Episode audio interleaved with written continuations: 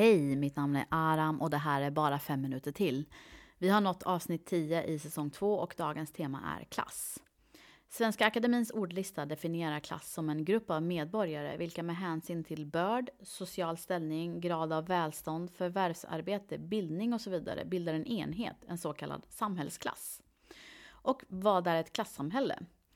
Wikipedia definierar det som ett samhälle uppdelat i samhällsklasser som präglas av påtagliga ekonomiska och sociala skillnader.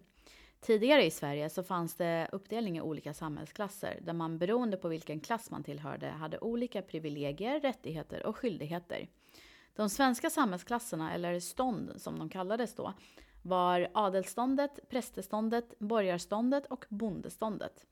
Och idag pratar vi mer i termer som arbetarklass, medelklass och överklass. Överklass syftar på samhällets ekonomiskt mest gynnade samhällsklass. De är mest gynnade på grund av sitt kapitalinnehav och de maktpositioner som de besitter. Positionerna gör dem till personer som är tongivande i samhället och kontrollerar en stor del av beslutsfattandet. Medelklass är lite svårare att definiera och man brukar dela upp den i en övre medelklass och en lägre medelklass. Och man kan till exempel definiera det genom att utgå ifrån hur graden av självständighet i ens arbete ser ut. Som medelklass har man betydande frihet och man kan klara av att leva utan inkomst kortare perioder där man istället kan använda sina besparingar. Arbetarklass kan definieras som anställda med avsaknad eller begränsad högre utbildning och begränsad autonomi i själva yrkesutövningen. Ofta görs en åtskillnad mellan yrkesutbildad och ej yrkesutbildad arbetarklass. Inom marxistisk teori så pratar man inte om medelklass utan då pratar man om arbetare och kapitalister.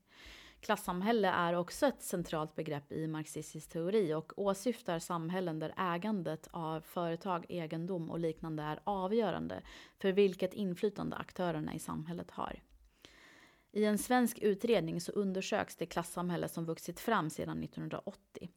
Jämlikheten var som störst i Sverige då och man ser hur privatiseringar av verksamheter i offentlig sektor och den ökande arbetslösheten som kom efter finanskrisen på 90-talet har påverkat. Analysen är att klassamhället har blivit mer kluvet och brutalt och korrupt och att skillnaderna har ökat. Ett exempel på det är hur länge vi lever. Göran Teborn som är professor emeritus i sociologi säger att klass spelar roll för livslängden och klasskillnaderna har ökat de senaste 20 åren. Han ser fyra effekter som förklarar hur dagens klassamhälle har vuxit fram. 1. Finanskapitalet har fått grepp om ekonomin. 2. Den löntagardrivna arbetsmarknaden på 70-talet då facket flyttade fram sina positioner har omvandlats till en kapitaldriven arbetsmarknad. 3. Korruptionen har återkommit till Sverige efter att landet har varit förskonat från den sedan början av 1800-talet. Och 4. Den ekonomiska och politiska eliten har vuxit samman.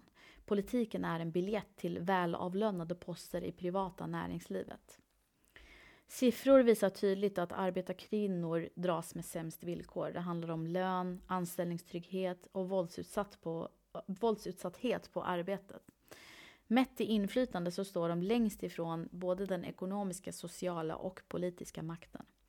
Kvinnor som arbetar inom främst vård och omsorg eller kontaktyrken som det kallas vittnar gång på gång om hot och våld på jobbet och hur det har blivit en del av vardagen.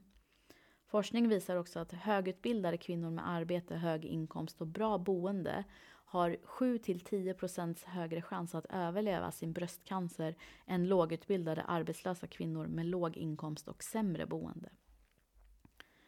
Barn i familjer som är ekonomiskt utsatta löper större risk att dö under barndom, barndomen och större risk att bli inskriven på sjukhus på grund av psykisk ohälsa med till exempel ångest och depression. I klassamhällen så erhåller alltså lägre klasser systematiskt sämre utbildning, vård och omsorg. Man ser också att befolkningen med låg klass aktivt demoniseras av de med högre klass. Vi har också sett att skillnad i livslängd kan variera otroligt. Mellan en lågutbildad i Vårby gård och en högutbildad i Danderyd så kan det skilja hela 18 år. Och den skillnad i hälsa som fanns mellan barn i början av 90-talet beroende på föräldrars inkomst, den finns kvar idag. Så regering efter regering har prioriterat bort minskade klassklyftor och därmed bidragit till att den ärvda klasstillhörigheten fortsätter och att klassklyftor ökar. Tack för att du lyssnat på dagens avsnitt om klass. Och mig hittar du på Instagram där jag heter aram jajar. Ha det bra!